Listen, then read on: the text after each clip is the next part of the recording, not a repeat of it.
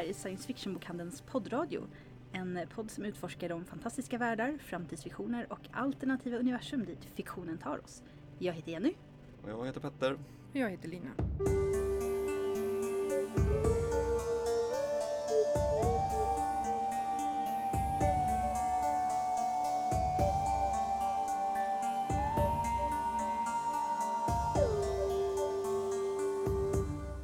Och idag så tänkte vi prata om lite olika saker. Mm. E3, Final Fantasy 7. Och eh, Neo Genesis Evangelion. Och omskrivna sagor eller moderna versioner av sagor. Eh, Men först så tänkte jag bara ta upp lite saker som händer snart. Vi har ju en Stranger Things-dag på gång, 11 juli. Just det. Det är om en vecka när det här programmet släpps. Mm. Och vi får faktiskt besök av författaren till eh, Darkness on the Edge of Town. Han heter Adam Christopher.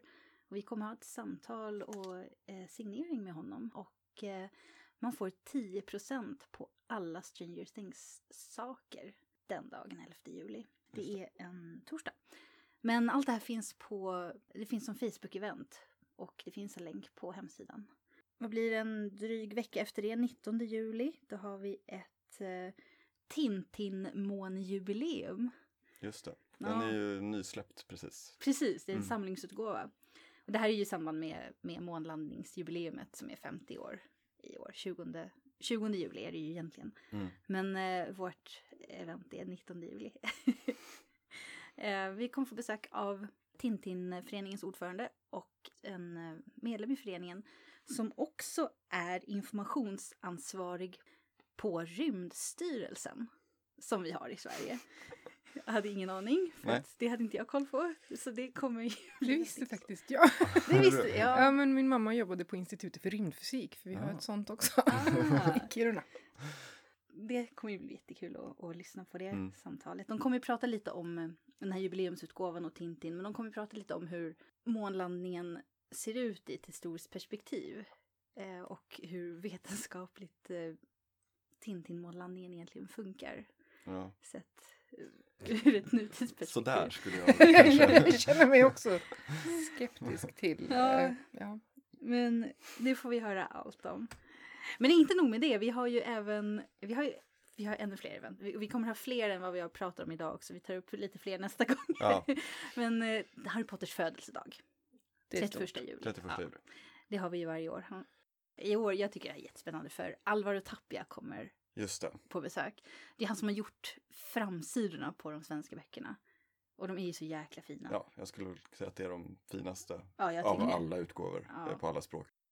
De gamla fram, omslagen kan Ja, tilläggas, precis. inte Mm. de Ja, det kommer-. Ja, det har kommit nu en ny version också, Mm, men han gjorde det. det original. Ja, Ja. precis. Ja, det är 20 år sedan böckerna kom ut i Sverige på Mm. svenska. Är det så att- 20 år sedan? Det är 20 år sedan. Åh, första boken, hjälp. första boken. Eh, ja, där Gud. kan man känna sin ålder. Mm. Jo Eh, tack. Framförallt eftersom jag var vuxen när jag läste första boken. Ja, Jag hade barn. Ja, Så illa är det. jag bodde i alla fall hemma. jag bodde... men jag tycker hans bilder är alldeles fantastiska. Mm. De är ju så sjukt fina. Mm. Eh, så det, det får räcka för butiksevenemangen Ja, för den här och vi kan ju gången. säga att, jag vet inte om vi sa det, men det här är alltså Stockholm som det gäller. Det finns ett kalendarium på hemsidan som fortfarande är sfbok.se. Mm. Men vi pratade ju också om Nebula-priset för ett tag sedan. Just det, De har ju släppt sina vinnare nu. just det. Och- Och vilka var det som vann då? Ja, det var jättemånga som vann. Eh, jag tänkte bara säga att Här den kommer den kompletta listan. Ja, nej, inte kompletta listan. Eh, ni får gå in på deras sida. Eller, jag skulle snarare föreslå att ni googlar. För att eh, om man försöker hitta på deras egen hemsida så är det lite svårt. känns inte så smidigt. kanske. Nej, Tyvärr så är det lite så. Men om man googlar på Nebula 2019 så får man upp dem. Jättebra. Den som vann bästa roman var The Calculating Stars av Mary Robinette Kowal. Vet inte om ni har läst den, någon av er? nej. Nej. Nej, jag hade också bara hört talas om den. Men eh, alla säger att den är jättebra och nu har vi också bekräftelse från eh, The Science Fiction and Fantasy Writers of America, tror jag de heter. Som det. bestämmer det här priset. Eh, och det, det är ju en efter katastrofen SF. Eh, en meteor träffar jorden. Klimatet förändras så mycket så att mänskligheten kommer inte överleva. Vi måste kolonisera rymden snabbt. Och alla måste hjälpa till. Alltså en stor del av befolkningen. Ja. Jag tänker ju direkt på Neil Stevensons Seven Eves Mhm. när man hör det. Mm. Men ehm, ja, jag vet inte, är den liksom, är den lika så här hard sci-fi som hans, vet, vet du det? Eh, ja, jag tänkte prova att läsa oss det. Mm. Mm. Eh, och en annan som jag tänkte nämna, det var ju den som vann eh, The Ray Bradbury Award for Outstanding Dramatic Presentation. Yes! Det är alltså Spider-Man Into the Spider-Verse. Ja, var det. vad kul. Nice, kul. Eh, alla som jag känner har ju sagt att den är fantastisk. Ja, Och du har ju sett den. jag har sett den. Jag tyckte att den var jättehärlig. Ja. Mm. Väldigt, jag vet inte om det är också så här, man känner sig, att åldern eh, gör sig påmind. Jag tyckte det var lite, det var lite högljutt och lite mycket. Ah. Det kändes lite, lite varning på den, ja. Ja, ja, men mycket, mycket tecknat. men är den är ju en fantastisk eh, visuell eh, Mm. fest. Är den. Mm. Ja. Det är alltså manuset då av Mm. eh, Phil Lord och Rodney Rothman som har vunnit. Är det vanligt att, jag vet inte om det här är sånt vi kan på rak arm, men är det vanligt att filmer får sådana? Eller? Ja, eh, det var väl inte så ända ifrån början. Nu känner jag ju bara till egentligen Mm. Nebula-priset och eh, naturligtvis Hugo-priset. Sådär bra, men de har alltså jättemånga kategorier Mm. där man kan vinna. Och det är både lång och kort form, så att tv-serieavsnitt eh, kan få Hugo-pris Mm, okej. till exempel. Tv, film eh, och tv-spel. Mm. Jag har inte, det är som du säger, det är så många olika priser så jag, jag brukar tappa bort mig i jag brukar kolla vilka som vinner de stora priserna Ja. och Ja. fokusera på dem. Ja, Nej, men man, man får, ja det är jättesvårt, man kan inte hålla på och räkna upp allihopa så här Nej. heller, utan eh, jätte, jättebra listor på sånt som är värt att kolla upp. Mm. Men eh, det det bästa är bara att gå in på deras sidor och mm. gå igenom det som man tycker ser intressant ut. Ja. Ja, Ska vi prata lite E3? det tycker jag. Eh, då gör vi det. Ska vi förklara vad E3 är för något? Ja, jag tänkte Ja. först börja. E3 står ju för Electronic Entertainment Expo och är en mässa som hålls årligen eh, varje sommar i Los Angeles. Där eh, ja, alla stora spelföretag visar sina, vad, de, vad som kommer. Eh, nyheter, vad som kommer senare i år. Det är liksom lite så här julafton för tv-spelsnördar. Mm. Eh, och man sitter klistrad vid Youtube och Twitch och sådär och följer eh, det som visas. Precis, all, alla tv-spelspoddar tar ju upp det var, Mm, gång. Precis. Final Fantasy 7. Ja, Final Fantasy 7. Jag är ju jättepepp. Jag har varit jättepepp i jag vet, fyra år sedan de först sa till om det. Vad det nu var. Ja. Jag ger inte upp. Alltså jag, är- det här är ju pinsamt. Jag har ju spelat väldigt mycket tv-spel men jag har aldrig spelat Final Fantasy eller Zelda. Va? Vilket- Va? Jag vet, det är jättekonstigt för jag har ju verkligen spelat men, men det är sån här, jag tänker varje gång jag tar nästa Final Fantasy så Mm. jag, mm, mm, jag får väl, Man behöver ju inte spela dem i ordning. det, eller där, det ens... hoppas jag eftersom de har väl kommit ut i 25 år eller något Ja, sånt. minst Ja. 40 nästan. Nej. Men det är ju bara 30 i alla några. fall. ja, Det är ju bara några av spelen som hör ihop med varandra. De allra flesta är ju helt fristående. Så Mm. det går att hoppa in nu. Ja, man kan Ja. hoppa in precis var som helst. Ja. Jag spelade Final Fantasy 9 för bara Mm. någon månad sedan. Varmt rekommenderat spel. Ett Jag av vill- de allra, allra bästa Ja. FF-spelen. Ja, jo, det har jag förstått. Nu vart jag däremot förvirrad. Var det inte Final Fantasy 7 som hade kommit ut? För det kan inte bara vara jag som är förvirrad av det här. Att han spelade nian. Ja. Eh, de har ju haft lite så, eh, Square, som, att de har släppt alla gamla Final Fantasy på nytt. Så de har Ah. släppt Final Fantasy 7 till exempel i samma, liksom, Mm. med samma som grafik som redan fanns. fanns. Ja, den Mer- kom ju ut 97 var det Mm, första gången. Precis, precis. Okej. Eh, Men de har ju släppt samlingar med alla sina gamla spel Mm. på nya Så det kassetter. här är en Mm. reissue. Ja, och jag tror även att eh, FF8 ska komma Ja, det var ju en sån sak de visade nu, Ja. för alla har ju varit så här, var är mitt Final Fantasy 8 någonstans? För de har släppt allt annat utom Final Fantasy 8. Men jag har varit lite styvmoderligt behandlad. Ja, Var det, någon, det gick ju ett rykte ett tag om att de hade tappat bort koden till det så att de Ja. inte kunde ge ut en, någon version. ja. Men det visade sig att det stämde ju inte. Nej. Och det de gör nu med de nya, de lite bara nyutgåvorna av de gamla spelen eh, är att de lägger in lite så här härliga eh, saker som gör att det inte blir så jävla tedious att spela dem liksom. Så att man kan typ göra att du, du gör liksom, nej precis, du kan typ stänga av random encounters, Mm. du kan göra one hit kills på, på fiender, du kan, ja, det är superhärligt. Du kan snabba upp spelet så du slipper sitta och liksom så här kolla på de här långa, som jag kan tycka nu är ganska tradiga animationerna som är liksom så här, Alltså det var redan coolt när då liksom. FF8 kom, Ja, den, den var ju alltid värst på den fronten. Mm. Det är så otroligt långa alltså, filmsekvenser. Så fort man gör en specifik attack och så ska den visa varenda gång hur en Kommer eh, sjöorm bryter sig upp Ja. ur, ett, eh, ur marken och så kommer det ett vattenfall och bara forsar ner på fin. Det här tar ju liksom flera sekunder, typ 10-15 sekunder. Och det är väldigt mycket när man sitter När och var det spelar. den kom sa ni? 90... FF8 kom väl 98. 98 kanske då? Ja. Ja men det här var ju en grej då, för det kommer jag ihåg. Jag spelade då visserligen aldrig Final Fantasy, eh, men jag spelade Resident Evil 2. Mm. Eller Resident Evil rent allmänt. Och där var det också såna här långa filmsekvenser. Det var ju såna här Mm. uh, Eureka moment när man upptäckte att eh, i alla fall om man har dött en gång och kommer till samma filmsekvens så kan man trycka sig förbi den. Mm, mm. Eh, men det var ju Det någonting kunde man ju inte i ge- FF8 tyvärr. Nej, men det här var, det var, och det var ganska långa filmsekvenser. Så när man spelade i det här spelet, om man spelade tillräckligt fort och tillräckligt bra, för det var man tvungen att göra för att få tillräckligt högt betyg, så var man tvungen att, då kom man igenom hela på sex timmar Mm. ungefär. Jag tror att jag kom ner till fyra och en halv, fem som bäst. Men det var ju, ibland kändes det som att en timme av dem var filmsekvenser.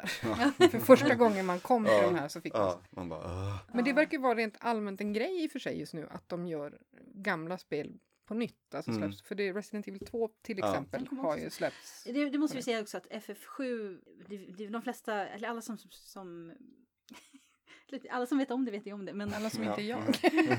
eh, det är ju en helt ny version. De kommer göra ett helt Ja. nytt spel. Ah, okej. det, är inte, det är inte det gamla spelet lite eh, upphottat. Fixat, Utan nej. det är, det är liksom, de, de har ju pratat rätt mycket om det. Att eh, det, det är väldigt svårt, det är japanska företag alltså, det är väldigt svårt att göra ett spel som både gör alla gamla fans glada, men som också är tillgängligt för alla nya spelare. Mm. Mm. Men jag är ju bara glad att Cloud fortfarande kommer klä ut sig till flicka. Han kommer göra det? Ja. Ja. man, vad visar de någon sekvens på det? Eller Nej, det de bara? talade om det. Ah, okej. Eh, de sa att de kommer ändra den här biten med Honeybee in och hela den här lite grann. Är det då man att, kan gå på dejt? eh, eller är det någon annan? Jag Ja, har man, man klär ut sig till, man, man klär ut sig till en vacker flicka. Alltså Cloud klär ut sig till en vacker flicka för att han måste komma in till eh, maffiabossen som härskar över det här slumområdet. Då. Mm. Och när maffiabossen väljer då varje kväll ut en kvinna som han ska tillbringa natten med. Och eh, då har han tre att välja på. Och har man hittat alla de bästa grejerna så väljer han Cloud. Då har man eh, rätt tiara, en fin sidenklänning, en eh, blond peruk och eh, underkläder. Sexiga underkläder.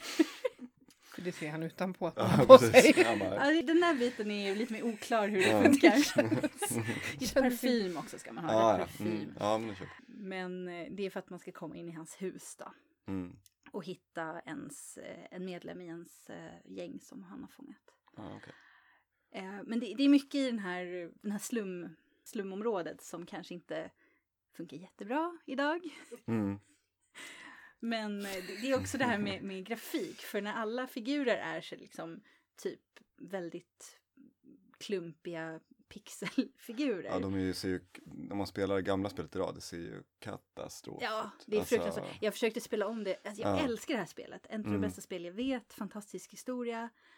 Men det är ganska svårt nu att spela med den grafiken. Man blir distraherad Ja, och sen så är det så konstigt i, eh, i striderna så är det ju ganska detaljerade karaktärsmodeller. Ja, de är bättre Som ser liksom mer ja. så här proportionsenligt, alltså allt ser, det ser liksom bra ut. Och sen så när man är ute i, i världen och går, då har man liksom så här typ fyrkanter Ja. till händer och streck som armar. Alltså så här, Mm.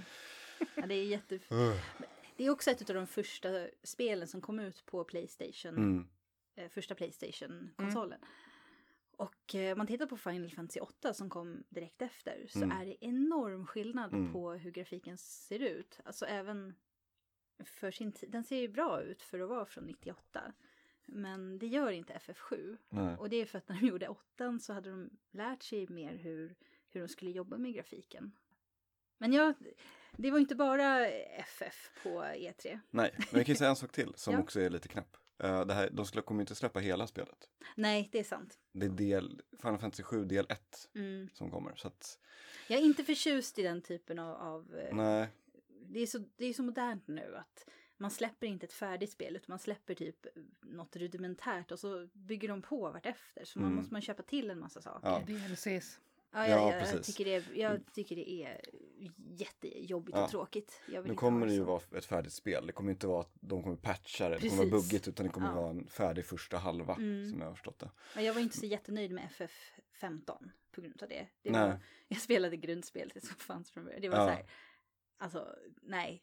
Det var, jag, Jag tycker även, även med tilläggen så tyckte jag att det var en extremt tunn historia. Ja, Och inte så här jättebra. Jag är ju rent allmänt ganska less på det här med DLCs. Mm. Jag vet att jag skulle gå in eh, på Playstation, för jag spelar Playstation, Playstation Store och tittade på eh, The Last of Us, tror jag Mm. det var. Mm. Och det fanns exakt 200 kepsar. Man bara, men alltså jag orkar inte. Nej, det, det, det börjar, jag, vet, jag tror att det har blivit lite bättre, men ett tag där spårade det ju ur helt. ja men jag kommer ihåg när, det var det första som blev så här känt. Det var väl eh, Elder Scrolls Oblivion. När de släppte Horse Armor. Eh, Man fick liksom eh, som första DLC, det kostade, jag vet inte hur mycket det kostade, de kostade typ 30 spänn eller sånt där. Men då Mm. fick man liksom en guldrustning till sin häst som inte gjorde någonting överhuvudtaget.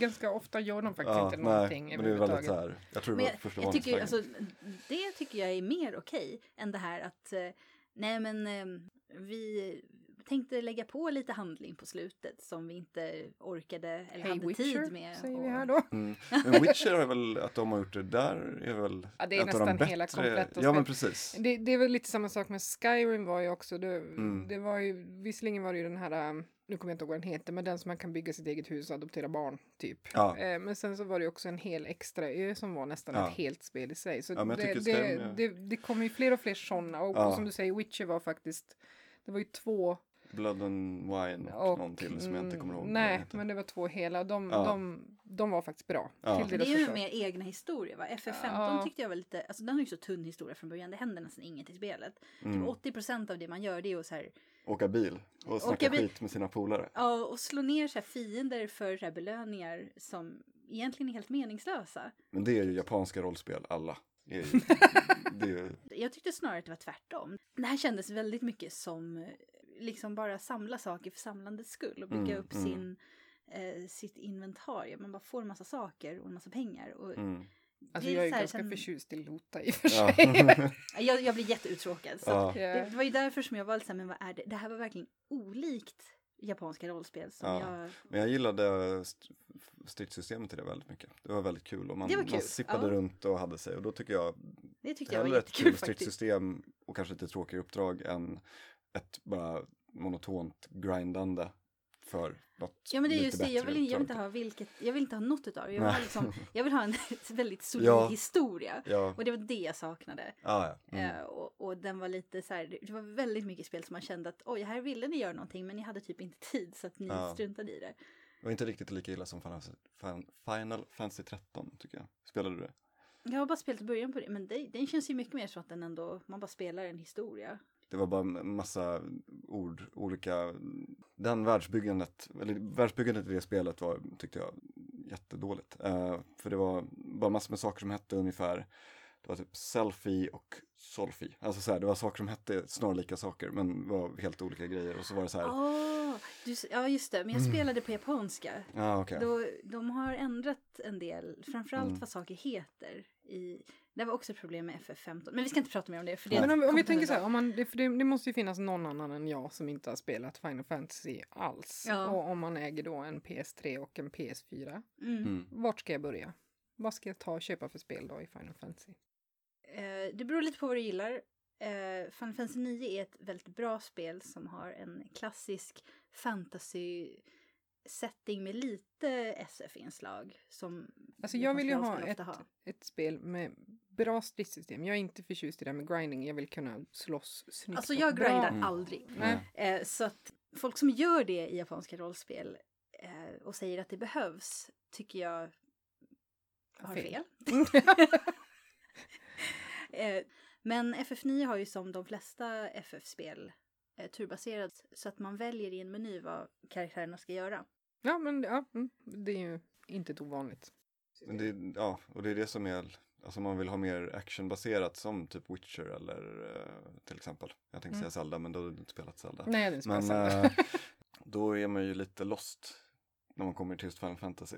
Eh, Närmsta är FF väl FF 15 nästan om man vill ha det actionbaserat. Ja, Kanske 12. Eh, 12 ja, är jag väldigt World of. Warcraft, uh, lite MMO-feeling Mm. på. Mm. Och Där det, ställer man in. Eh, Mm. Det är ganska svårt att förklara det stridssystemet. det är som att man programmerar eh, sina Ja, de hade liknande i companions. Dragon Age också. Fanns Ja, det jo, men systemet. precis. Ja. Lite åt det hållet. Ja. Ja, Jag gillar Final Fantasy 12 jättemycket och det har kommit en Mm, ny, ny release på den också. Så jag då ska nästan... jag, jag ska kolla upp Final det. Fantasy 12, The Zodiac Age heter nyreleasen. Den Ja. finns på allt. Allt. Playstation, Switch, allt. Ja. eh, PC, överallt. Yes. Det är om det. Ja. det är om Final Fantasy. det händer Eh, lite mer på E3 kanske. ja. Ja. det, det största för mig som jag blev kanske inte så överraskad över, men som jag blev väldigt glad, det var att de visade en väldigt kort teaser-trailer för uppföljaren till Legend of Zelda Breath of the Wild. Som, Är det en uppföljare alltså? det är en uppföljare. Mm. eh, som visade Link och Zelda som går genom någon mörk grotta och stöter på Ereganon eller något. Det är en, en, en skelettmonster i alla fall. Och sen får man se hur Hyrule, slottet i Hyrule lyfts upp, börjar mot skyarna. Och sen så stod det bara, vi jobbar på uppföljaren till, eller till eh, Legend of Zelda, eh, Breath of the Wild. Bara så att ni vet, typ. Så det var väldigt så här, inte när det Mm. kommer, man vet ingenting. Jag har ju fortfarande inte spelat Breath of the Wild. Jag har ju ingen Switch. Nej. Ja, eh, jag tycker ju att Breath of the Wild är kanske mitt favoritspel all time. Jag tror att det kan vara typ det bästa som jag har spelat någonsin. Jag älskar. Så om du ska börja någonstans på Zelda, Breath of Breath the of the Wild. Kom det, ni som nu har hängt med, jag brukar faktiskt hänga med i E3 men jag missade det i år. Eh, kom det någonting från Elder Scrolls?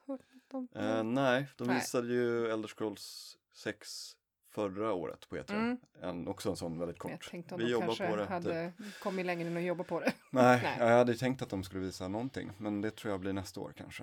Eh, sådär, så att jag fortfarande bara sitta lugnt i båten. Jag tror de visade någonting från Elder Scrolls online om du spelar det. Nej. Men eh, nej, Jag tycker inte om att spela med andra människor. nej, det, jag är likadan. Nej, jag hatar det. Jag Ja, ja. slutade att spela World of Warcraft när jag kom till den punkt när man måste samarbeta med någon för att klara av ett Nej, nej, uppdrag. det är jag bara, jag nej, okej, det var inte för mig. Man ska ju spela med kompisar då. Man, alltså, men Jag, kan jag, tycka tycker, jag tycker om till exempel Elder Scrolls. Ja, Det finns mycket att interagera med. mm, Ibland blir jag irriterad för att AI är dum i huvudet och försöker gå igenom träd. Men det är okej. Jag, jag har Ja. större förståelse för det när det är en AI eller en någon jag Ja. faktiskt känner. Alltså jag är ju mer den här, det ska vara en stark bra historia, helst inte för många timmar. Jag, jag tycker jättemycket om japanska rollspel som brukar vara så, de, de brukar vara rätt så långa men inte för långa. FF15 var väl med ett undantag men annars när det gäller eh, engelskspråkiga spel så är det ju The Last of Us, Bioshock helt Mm, fantastiskt. ja. Det är liksom en, en riktig berättelse som man spelar sig igenom Ja, med Bioshock bra är spelmekanik. Ja. Ska jag Ja. tillägga. Men eh, vad heter de här andra då? De som gjorde Mass Effect och Dragon Age? Bioware. Bioware, tack. Mm. Jag vet inte vad det är de jobbar på. De släppte ju Anthem eh, tidigare i år. Som är just ett multiplayer-spel. Det är Mm. lite så här Destiny.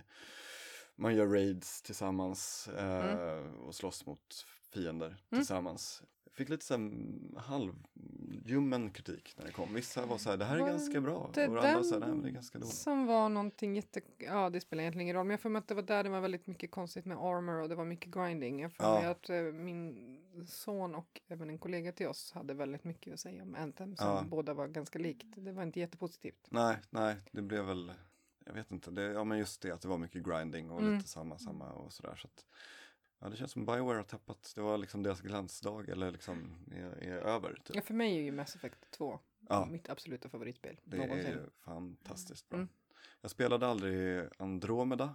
Jag försökte. Jag, Det höll i exakt två timmar och sen så var det Ja, bara men- så här, nej, Ja, ja, jag tror jag Räcker nu. spelade kanske två timmar jag också, men eh, inte mer än så. nej, det var jag inte. Det, Det var var, det var hemskt. Där har vi som exempel på ett spel som inte var färdigt.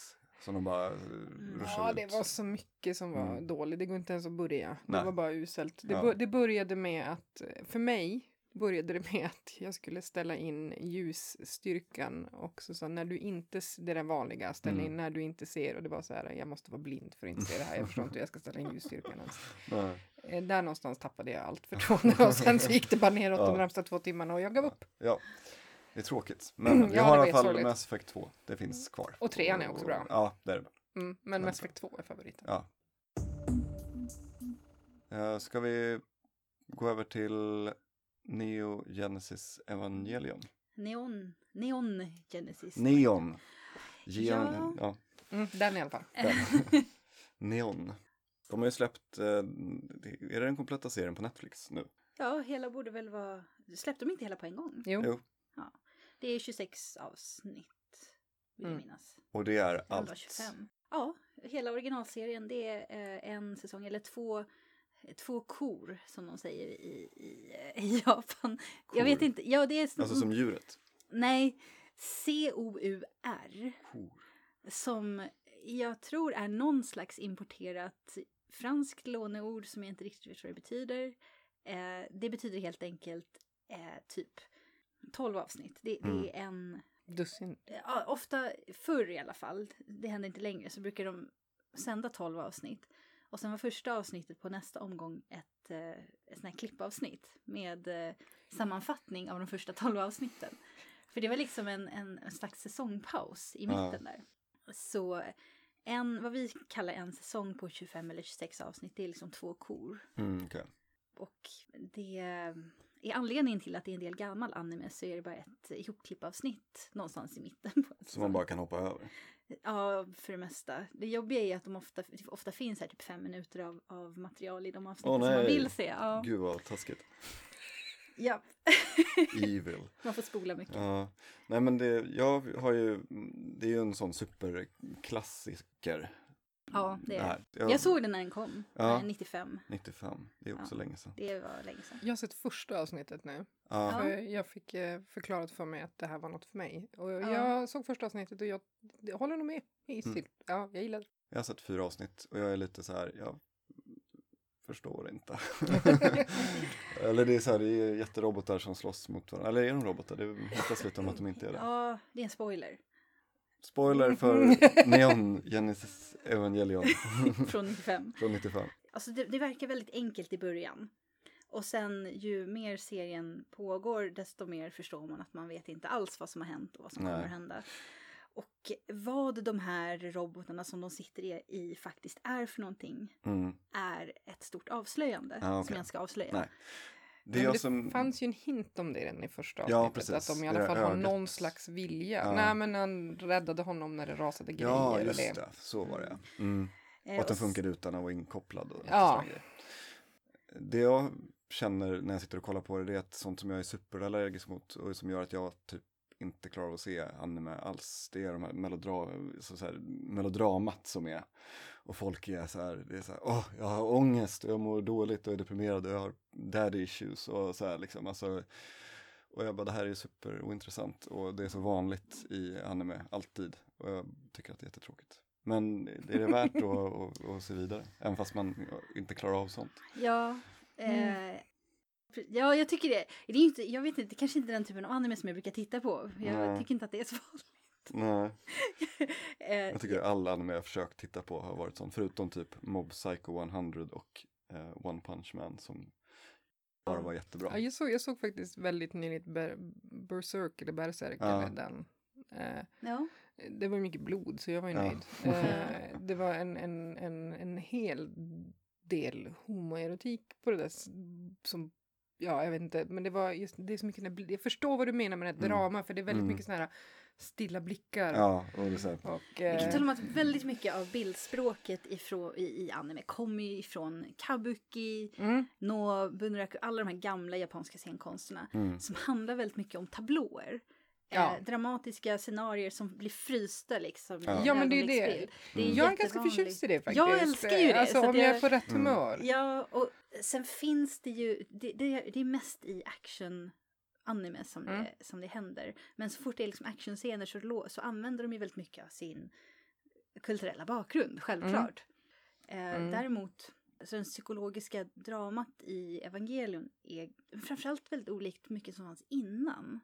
Eh, den är ju rätt så gammal nu så det är många som har följt i dess fotspår mm. kan man väl säga med mer eller mindre lyckat resultat. Så det är det som jag tänker att när man ser det nu, att ja, som det är med mycket så här när man ser gamla klassiker, att det krävs en insikt i Mm. dess plats i, något, i det större sammanhanget Mm, på något sätt. det också.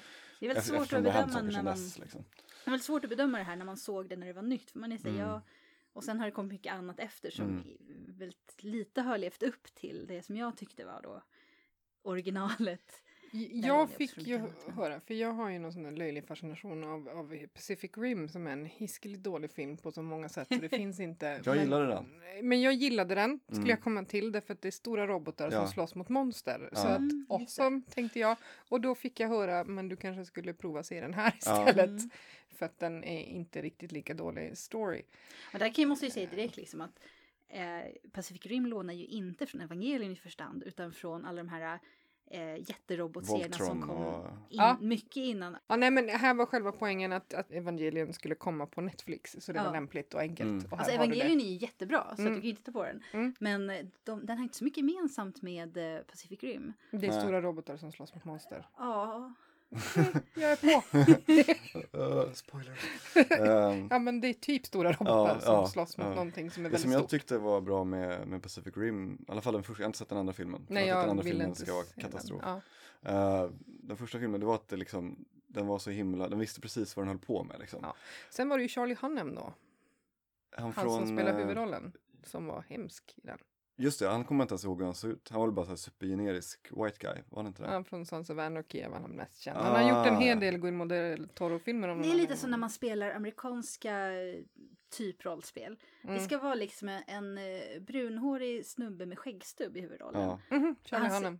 Ja, Ja. Han ser likadan ut i, i alla tv-spel. Han, ja, Mina favoriter, både Bioshock och Last of Us har ju den Ja. personen i huvudrollen. Det är inte så att jag hatar den personen, men varför är han med i alla spel? för att det ska, jag tänker att det är väl någon tanke om att man ska lätt kunna applicera sig själv. Jag, Applicera alltså, sig jag, själv jag, på det, liksom. Alltså det, det Med tanke att det är en vit man som spelar nej, liksom. alltså som sagt, Charlie Hunnam, jag vet Mm. inte riktigt. Eh, han, han har inte riktigt kontroll över sin amerikanska dialekt jämt. Han är britt egentligen. Ah, nämligen. Eh, så det, jag var inte imponerad av honom. Idris Elba gjorde ju att det ändå Ja, blev bra. Han var ju fet, alltså Ja. cancel the apocalypse, alltså det var Ja. ju sån jävla Så bra. det, Men den har sina, det, jag, jag tycker om den ändå Ron Perlman är ju också, han får ju Ron bara, Perlman är ju Ron Perlman. Ja, alltid. Och han är ju extra mycket Ron Perlman Ja. i, den här liksom. Men det måste jag säga om Evangelion att de första typ, man kan säga att den är, det är indelad i fyra delar. Mm. Och eh, varje del säger någonting nytt. Och eh, vad ska jag säga, om inte gör varenda intryck man fick av den delen som var precis innan. Så de fyra Ah, första spännande. avsnitten, nästa fyra avsnitt, eh, eller om det är sex avsnitt gången. Det, jag kommer inte riktigt ihåg. Men det, det är verkligen så här, den byter ton eh, fyra gånger under sin, eh, ja, under seriens gång. Mm.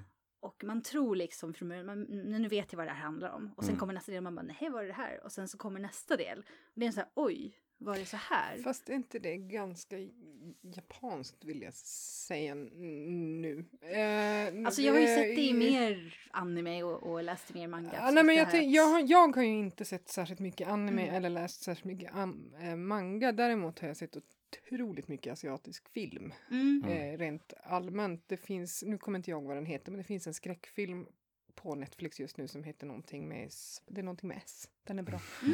Vi kanske kan kolla upp det här och lägga till vad den heter. Ja, Eh, men, det, men där är det just det du säger, man, man tittar ungefär en halvtimme och tänker ja men nu har jag grepp om den här historien och sen bara nej det hade jag inte. Ja. Och det är ganska typiskt för, för, jag tror att det också Mm. är någon slags kulturell grej, alltså för Ja, det, det är lite- väldigt, väldigt precis, vanligt. Ja, det är ett vanligt dramatiskt grepp, det kan jag hålla Ja, och att man Ja. egentligen inte alls har någon aning om vad som händer och sen så sitter man efteråt och gissar vilt och tror att man har något grepp och har Ja. egentligen inte förstått men det är ändå skitbra. Alltså, ja. Det, det, det är inte viktigt på något mer, konstigt sätt. Jag tänker på Mononoke där, liksom. Ja. den är en sån som Mm. hela tiden, Vilken? Prinsess Mononoke. Ja. Mm. Det finns ju en anime som heter bara Mononoke. Det är en Ja. anime-serie som är Mm. jättebra också. Men Mm. helt annorlunda från filmen Prinsessan Mononoke. Men är det någon baserad, är det, är det någon liksom gammal japansk, jag har inte koll, är det liksom, Eh, Mononoke eh, betyder ju typ eh, eh, monster, aha, mer eller mindre, eller Okej. spöke. ja, Det är lite svårt att direkt översätta det, för Nej. det är liksom ett, ett gruppnamn på, på en, ett namn på en grupp varelser, en typ av varelser. Lite som yokai också. ah, okej. Ja. Och Yokai är andar som, ja, det är typ väsen. Väsen. Där kan man säga väsen, det är en ganska bra direktöversättning. mm. Mononoke är lite svårare. ja, Ja, men eh, Evangelion i alla fall. Det finns eh, mycket historia bakom eh, tro inte att ni fattar vad den handlar om när ni bara sett fyra eller fem avsnitt. Jag gjort ett avsnitt. Ja. Eh, och jag tycker att den håller fortfarande Ja, nej, men jag är- stilistiskt jag är pepp. och- ja, Jag var lite den. tveksam till om jag skulle fortsätta, men Mm. nu har du övertygat mig. Jag ska, Ja, jag ska se klart. Hur lång, är det, får- är det halvtimmes avsnitt på den här också? Jag kommer inte Ja, ihåg hur länge. Så, 25 ja. minuter. Ja, Ja, det tycker 25 jag är ganska lagom. mm, ja. faktiskt. Inte en, en, ett överväldigande åtagande. Nej, nej. Jag tyckte det var väldigt skönt att det bara var 26 avsnitt. Ja. Jag har ju, eftersom jag inte vetat så har jag tänkt att det är som typ Naruto eller något sånt där, där det är liksom två, Det här är ju den 200 stora avsnitt fördelen. bara. Det här är den stora fördelen med anime som är gjord, skriven, manuset är till en anime från början. Den är inte baserad på en manga eller Nej. en bok. Och det betyder att den är, den är tänkt som en anime från början. Mm, Och då blir tempot bra och eh, dramaturgin blir bra. ja, Eh, och den blir liksom avslutad. Jag, jag, tycker ju att, jag tycker oftast att ska man se anime så ska man titta på den typen av anime som är Ja. skriven som anime-manus. Och eh, när det gäller sånt som är baserat på manga så tycker jag att, ja men titta gärna på ett gäng avsnitt, jag brukar också göra det. Men gå över till mangan sen för att eh, animen tenderar att bli extremt tradig efter ett tag. mm, Så mycket utfyllnad med bara Ja. strunt. ja. Min personliga starka åsikt, Ja. eh, så lyssna inte på den om ni inte vill, men eh, det här är vad jag tycker. Då ska vi hoppa över till, Då ska vi prata om moderna sagor. Nej, Moderna sagor, omskrivna sagor, omskrivna klassiker, någonting där. Inspirerad av, kan man Mhm. också säga. Mm. Det är ju inget jättenytt fenomen. Onekligen var det väl så sagor och berättelser kom från början. Och till exempel Grimm, bröderna Mm, just det. Grimm samlade ju ihop många sådana här Mm. folksagor, kallas det väl. Ja. De var ju onekligen ganska obehagliga och sen har de disneyfierats. Idag, idag sammankopplas ju mycket det här med lyckliga slut. Ja. Eh. Det var inte riktigt fallet från början. Eh, Jag kommer inte ihåg alla exempel men Jag hade ju läst sagan Den lilla sjöjungfrun Mm. innan jag såg Disneyfilmen. Jag Ja, blev det är ju ett lite förvånad exempel. över slutet. Men det är som sagt disneyfierat. Det måste, i, hon dör. I, i, eller hon, hon blir... I or- ordinarie Den lilla sjö- sjöjungfrun så blir han faktiskt kär i den här andra personen. Och jag tror inte det hade ens så mycket att göra med hennes röst utan han bara träffade en annan och Ja, nej, det, det är bara en, en helt vanlig eh, prinsessa Som han blir kär i. Han- istället. han. Och, och, För han ser aldrig henne som någon som han kan bli kär i, utan hon- han kallar henne för sitt lilla hittebarn eller något sånt där. Ja, så Ja. po poängen är att hon, kan, hon får då välja, hennes systrar ger henne en kniv och hon får välja mellan att gå in och hugga ihjäl han och hans nya och deras blod får då täcka hennes ben och då får hon tillbaka sin fena. Alternativt eh, eftersom hon då har sålt sin själ i princip är det ju också i den, men då slänger hon sig i havet och blir till havsskum istället också så kan hon rädda barn för att korta av tiden hon måste vara havsskum. Ja, jag, jag har ju Typ. sen något vagt minne Det är av grovt. Wow. ja. Blunder och Sebastian, är de med i... Nej! De är, Kraftig Nej men hon, har inte, hon vill ju, ett, en av anledningarna till att hon vill bli människa är, är ju att hon vill ha en själ, för det har ju inte Ja, sjön. så är det ja. Mm. Eh, men eh, så hon kan få bli sjöjungfru igen om hon mördar prinsen och hans nya fru. Jag har ju ett vagt minne av att jag har läst en version där hon gör det. Men jag, Där hon jag, faktiskt hugger ihjäl dem. Ja, fast jag kan ju minnas fel. Det är ju så Ja, men alltså det, det finns ju så många olika, det är samma sak, Törnrosa eh, är ju en, en, en väldigt mysig berättelse om en Mm, mm. våldtäkt originalet. Just det, Ehm, hon vaknar av att hennes nyfödda tvillingar eh, dricker bröstmjölk ju från henne. Ja. wow. Ja. Japp, det är originalet. Eh, de, de, eh, de, ursprungligen var många av de här berättelserna ganska mörka eh, kan man säga och det leder oss inte helt osökt in på Angela Carter Mm. faktiskt. Eh, som skrev, 79 kom den ut, The Blood Chamber, det är en samling, eh, novellsamling som har återgått till den lite de här klassiskt gotiskt skräckaktiga och hon har gjort många. Nu, den första The Blood Chamber syftar faktiskt på Blåskägg, den var väl aldrig positiv någonsin. Nej, den, den har ju varit i alla versioner. Men den har ju inte Disney gjort några versioner Nej, andra sidan. vi får väl vänta på Disneys Blåskägg med iver måste jag faktiskt säga. Det hade varit... Eh, men hon har tagit många av de här, det, det är tio olika berättelser. Eh, det är inte tio olika sagor det är baserat på. Det finns två versioner av Skönheten och odjuret faktiskt med olika roliga slut. Mm. Eh, eh, Den hade väl ett ganska lyckligt slut i originalet, eller? Hur var det med den? det beror på hur man ser hela historien och hur positiv Ja. den är från början. Jag tycker ju inte att det kanske är den mest Tematiken den är- kvinnovänliga. Nej, inte. Nej, men de dör inte i alla fall. Nej. Någon då är säkert, men Ja, jag, i, Ursprungligen är väl det en fransk saga vill jag Mm. Minnas. Ja, jag, det är en jättegammal eh, den är inte folksaga. särskilt lång ens. Alltså, origin, originalsagan tror jag är typ jag har någon gång hittat den och skrivit ut den och vi pratar 10-15 sidor. Det, Ah, okej. det är ganska kort. Ja. Även om själva grunden är ungefär, alltså det är hennes pappa Mm. och hon räddar honom. ja. Och så Och så tar han hans plats. Eller blir hon kär i monstret? Alltså det är ju klassiskt, jag hävdar ju att många av de här klassiska har ju en, en väldigt fin air av Stockholmssyndrom. Mm. Eh, aktigt. Eh, Extremt. Ja. Det är det som eh, är så kul i Disney-filmen. Den, Ja. När de sjunger den sången, eh, någonting som inte fanns där förut. Ja, precis. Stockholmssyndrom Ja. det. Jag, jag vill poängtera att jag tycker om Skönheten och odjuret, Disney-versionen Ja. också. Eh, jag har någon, jag vet inte varför, men jag älskar den. och, och, Ja, ja, men de lyckas ju frammana den här mysighetskänslan och de Mm. lyckas ofta med musiken så det är väldigt trevligt att sitta och titta på de flesta Disney-filmer. Mm. I, I den här, det här var inte en av de böcker, jag hade fyra olika böcker jag hade tänkt prata om, otroligt subjektivt utvalda baserat på att jag tyckte om dem och har läst dem. Eh, men det som kan... bra. Ja. Ja, inte särskilt objektivt alls.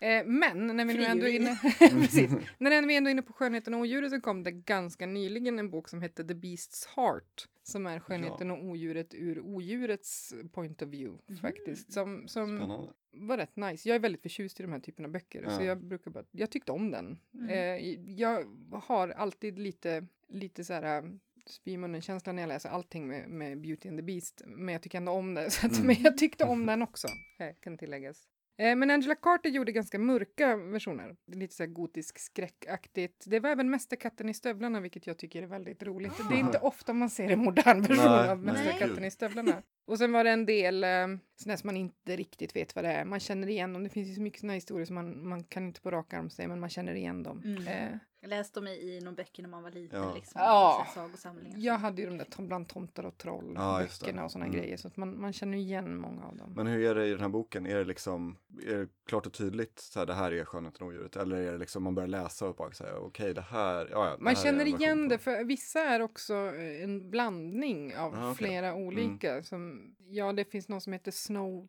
Child, jag kommer inte ihåg vad de heter och jag skriver faktiskt inte ner vad de här tio olika historierna. Men den är Snövit samt några andra samt någon tysk sådär så att man, man känner igen dem. Det hon gjorde och det som har väl kommit tillbaka nu, för som sagt just nu känns det som att de senaste fem tio åren har det kommit väldigt mycket sådana här böcker. Men det hon gjorde var ju att, att hon utmanade överhuvudtaget kvinnoroller i sagor. Det här är inte kvinnor som väntar på att en man ska komma ridandes och rädda henne.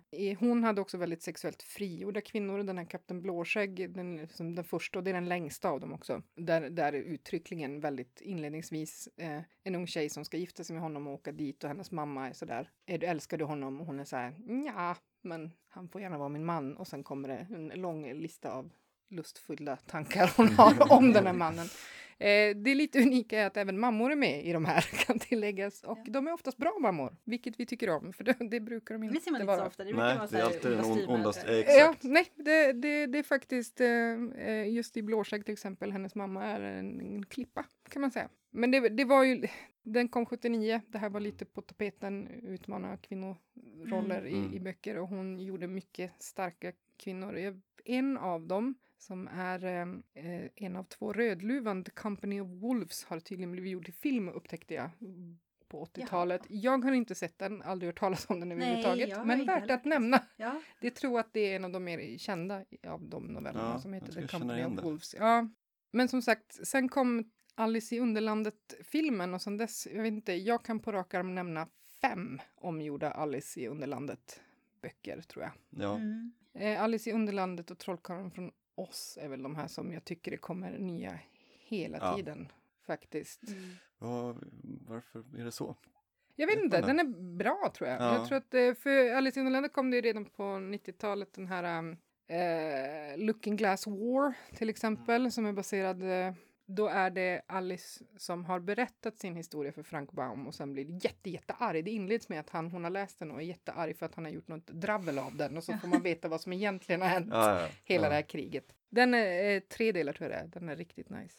Eh, och Christina Henry har skrivit en av de som jag tyckte bäst om som heter bara Alice. Den kom 2015 och den är väldigt inspirerad av eh, Angela Carter. Den är fruktansvärt mörk. Eh, eftersom vi nu redan har varit inne på tv-spel så kan vi gå in här igen. Alice Madness Returns som är... American Magi, eller vad hette han? Ja, den första hette det, den heter nog Magis Alice och Ja. sen så kom det ju en ny som hette Alice Madness Returns. Ja, just det. som eh, börjar med att hon sitter på sin, man sitter på sinnessjukhus. Mm. Den är ju jätte, jättemörk. Den här börjar med att Alice sitter på i sinnessjukhus i en icke specificerad stad där det finns Old Town and New Town. Hon kommer från New Town men sinnessjukhuset är i Old Town. Det är helt, det där, de dåliga delarna. Ja, ja. Det är gettot Mm. helt enkelt. Hon har suttit där i tio år och man får veta att tio år tidigare så hade hon och en vän gått in i Old Town och sen om det nu var 14 dagar senare så kommer hon ut med det är, ingen, det är inte så att man behöver gissa sig till att hon har blivit väldigt, väldigt eh, våldtagen och hennes vän är borta. Och hon berättar för folk om eh, någonting med kaniner och hattmakare och alla de här varelserna som är el. Så de tror att hon är galen.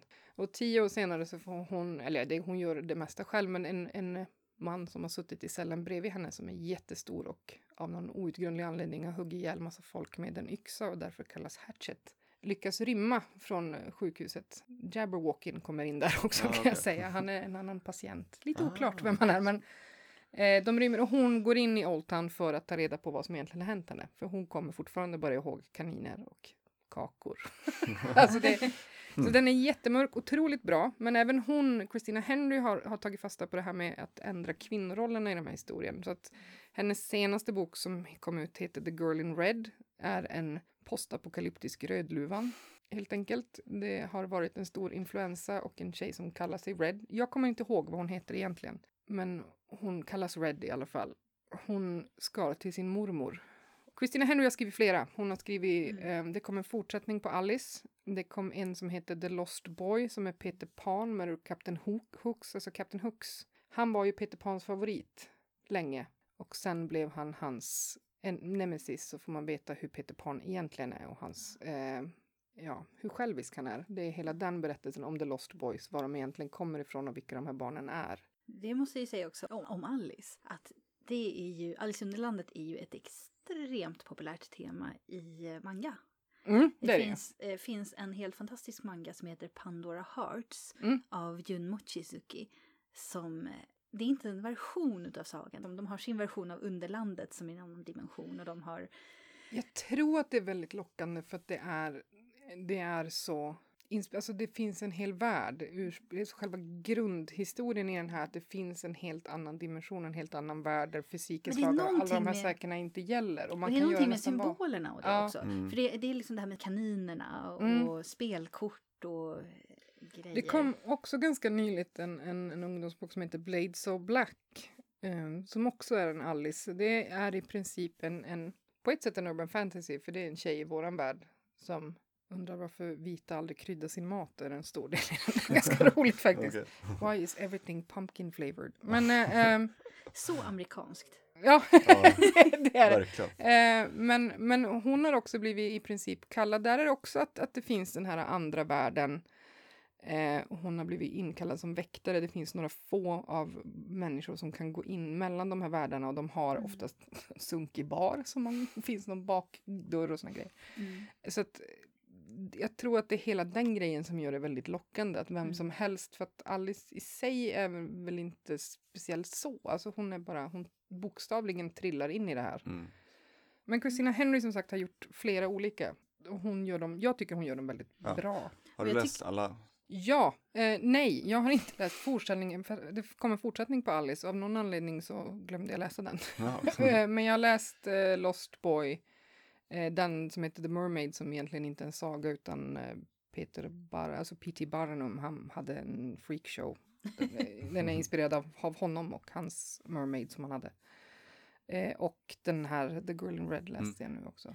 Men jag tycker också att många, de som skriver young adult, Mm. som man säger nu för tiden, som verkar vara en så här svårgripbar, ehm, Det finns även New Adult, jag har inte räknat Jaså? ut. Det finns YA och NA. ja, YA verkar vara liksom typ från 15 till 25 år. eh, Nej, det, det, är där de delar upp det mellan YA och NA tydligen. Okej. Jag är lite osäker på den här punkten. Men jag vet bara att det... man är 26. Nej, jag tror New Adult är... Jag har fått för mig att New Adult är yngre, men jag kan ha fel. Jag kommer aldrig ihåg. Det borde ju För vara ny först och sen young. För man är ju ny. Det finns olika, Ja. kan vi väl komma fram till. Och jag är inte säker på vilket som är vad. Men det är flera av dem som, som verkligen tycker om att skriva de här äh, omskrivna sagorna. Mm. Som Novik och... Ja, Blades of Black är också en väldigt typisk, eller nej, ja, Mm. bra sådan, men, men väldigt typisk. Och eh, även den här, vad heter det, Marissa Mayer som skrev den här Cinder, de som var, Ja. den är ju några år gammal nu. Ja, men den är, den är ju också, det är ju steampunk eh, Ja. sagor i princip. Som ska, de, jag har inte läst dem faktiskt, men de ska Nej. vara väldigt bra. Mm. Det känns liksom som att det blivit en liten, nästan en liten boom de senaste Mm. va, fem åren eller någonting. Ja, men det är det, det, är det jag också ty- och det är samma sak ehm, som inte bygger på någon, men det är ju mer folksagor. eh, ryska, eh, Catherine Arden heter hon va? Ja, den, jag läste Ja. den här The Bear and the Nightingale. Ja, Ja, jag tyckte väldigt mycket om den. Ja. Och eh, den hade ju mycket, den hade ju saker som jag aldrig hört talas om. För att eh, jag har uppenbarligen inte växt upp med särskilt mycket ryska influenser i min barndom. Eh, Jag kände igen, men jag är ju rent allmänt ganska fascinerad av folktro och, och väsen, så Ah. jag kände igen mycket. Eh, jag vill också poängtera som en person från Norrland så är det en av få böcker där de faktiskt eh, förstår vad kyla gör. Mm. Eh, det är ingen som går utan mössa och utan vantar och gör snöbollskrig. Nej, det var väldigt You can't do that. undersökt. Eh, ja, eh, vilket faktiskt leder oss till nästa som, som kom i, Kay Johnston. Hon har bland, jag tror hon är mest känd för att hon skrev den här Star Wars Ahsoka-boken faktiskt. Mm, Eh, Hon skrev en som heter A thousand nights som är tusen och en natt i princip. I det fallet, anledningen till att jag gör jämförelsen Ja. med Catherine Arden är de i öknen och det är otroligt väl researchat hur, Ah. hur hela det här öken-beduinlivet är. I det ordinarie Tusen och en natt, om det är någon som har missat den, så är det ju en prins som gifter sig med en ny kvinna varje kväll vill jag minnas och tar ihjäl henne under natten. Och den här tjejen som jag nu har glömt vad hon hette. eh, Scheherazad. Ja, och det här är ju tio volymer så alltså det är hur långt som helst. Mm. Men hon berättar en saga varje kväll för Mm. att han inte ska ta ihjäl henne och gör, avslutar med en cliffhanger för att få Mm. fortsätta berätta natten Ah, efter. okej. Det är det som händer i Ah, Tusen och en mm. natt. Och sen är det massa, massa sagor. Ja, jag har ju läst en, eh, eh, vad heter det, en förkortad version Ja, på, som var en bok. av, av någon anledning har mina föräldrar hela Tusen och natt alla 10-12 band eller Oj. något sånt Oj. där. Jättegammal fin utgåva. Och det som är roligt när man läser dem är att man känner igen mycket av, alltså de här riktiga grunden till folksägner och så vidare. Det, Mm. det är samma historia som har spritts. Man, det är själva grunden i alla fall till Tusen och en natt. I den här är twisten att det här är en kung eller en prins som en gång i tiden försvann ut i öknen och när han kom tillbaka var han inte samma person. Eh, en demon eller gin eller någonting sånt. Och en kvinna vill hindra att hennes syster ska bli vald. Han, kom, han går till olika byar varje, jag tror inte det är varje natt i den här, men med hyfsat ganska täta obehagliga jämna mellanrum går han till någon by och väljer ut den största skönheten och det är hennes syster och hon vill hindra det så hon ställer sig, hon orsakar rabalder bara så att han lägger märke till henne och väljer henne istället. Jag vill poängtera, jag läste den här ungefär exakt samtidigt som jag läste Naomi Noviks Uprooted som har ganska samma grundgrej fast där är det en drake och någonting.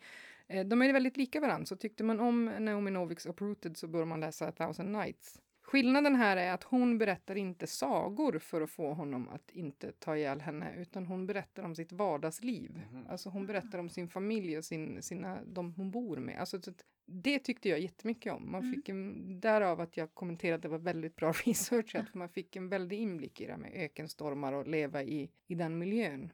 Eh, den är jättebra. Det kommer en fortsättning på den också, som jag också inte heller har läst. Jag är sämst på att läsa fortsättningar på böckerna, brukar jag ofta konstatera. Eh, den utspelade sig några hundra år senare och var inspirerad av Törnrosa. Mm. Ehm, eh, Kingdom of Sleep tror jag den hette.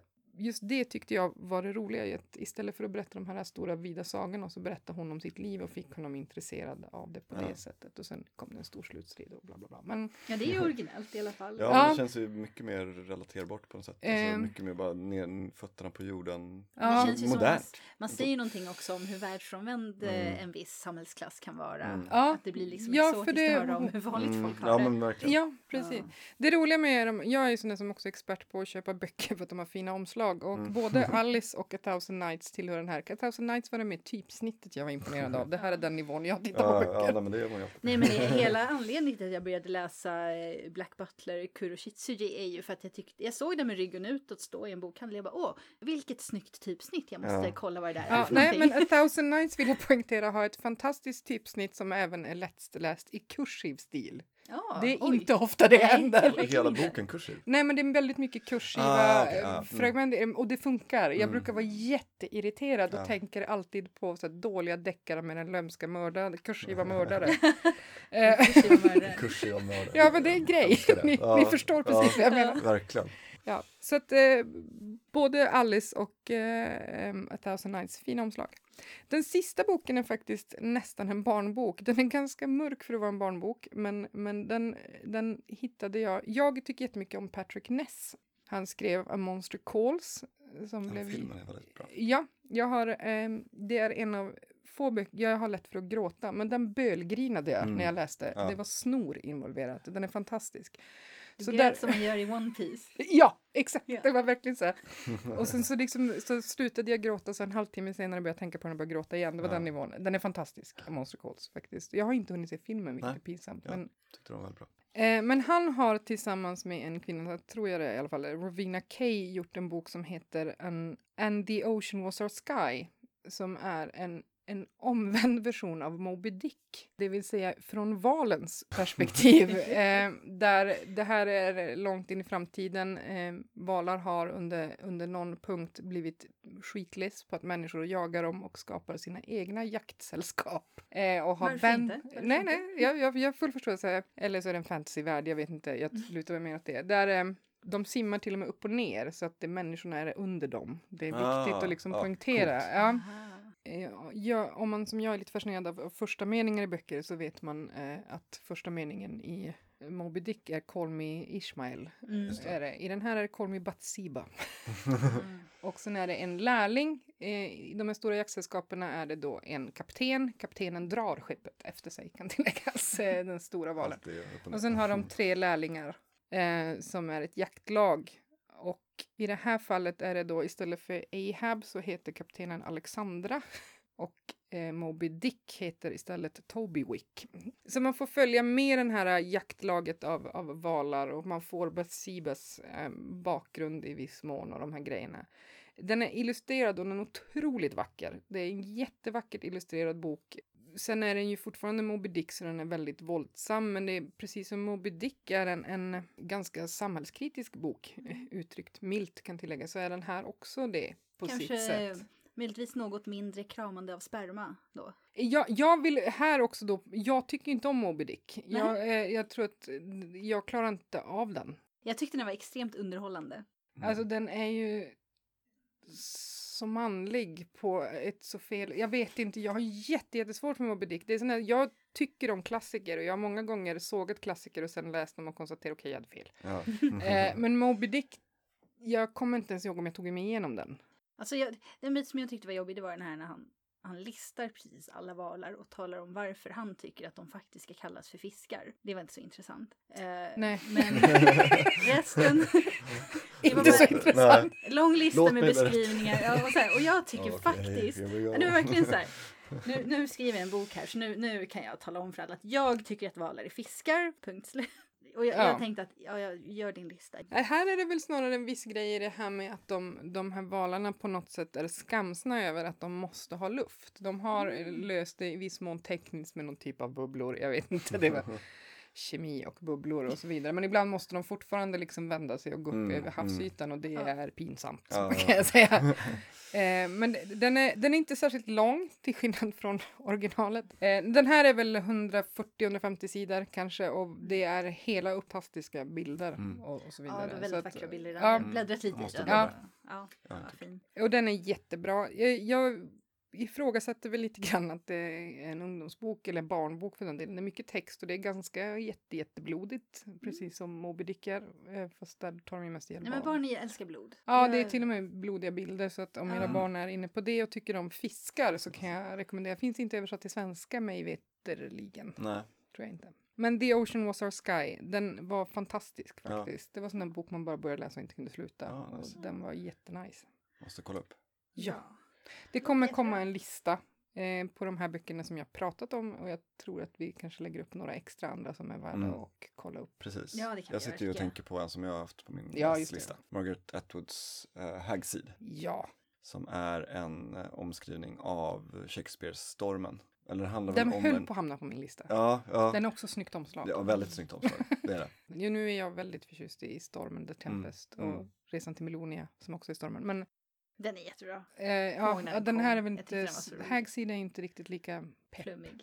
Nej, Man blir inte glad av den. nej, jag är supersugen på att läsa den. Just Mm. bara Den finns översatt till svenska. Kan tilläggas, kommer ganska nyss, heter Häxyngel på svenska. Ja, kom Ja. förra året. Mm. Om jag inte missminner mig. Väl värd. Ja, och då med de orden så vill vi tacka för, det, för oss för den här veckan. Ja, vi Vi- kommer tillbaka om två veckor. Ja, och vad det ska handla om då, det vet vi inte idag. Men Nej, det får ni se. om ni har synpunkter, frågor eller andra åsikter så mejla oss på podd.sfbok.se eller skriv en rad på vårt Instagram eller på vår Facebook. Mm. Länkar finns på vår hemsida som fortfarande är sfbok.se. yes. Eh, vi hörs om två veckor. Hej då! Ha det bra!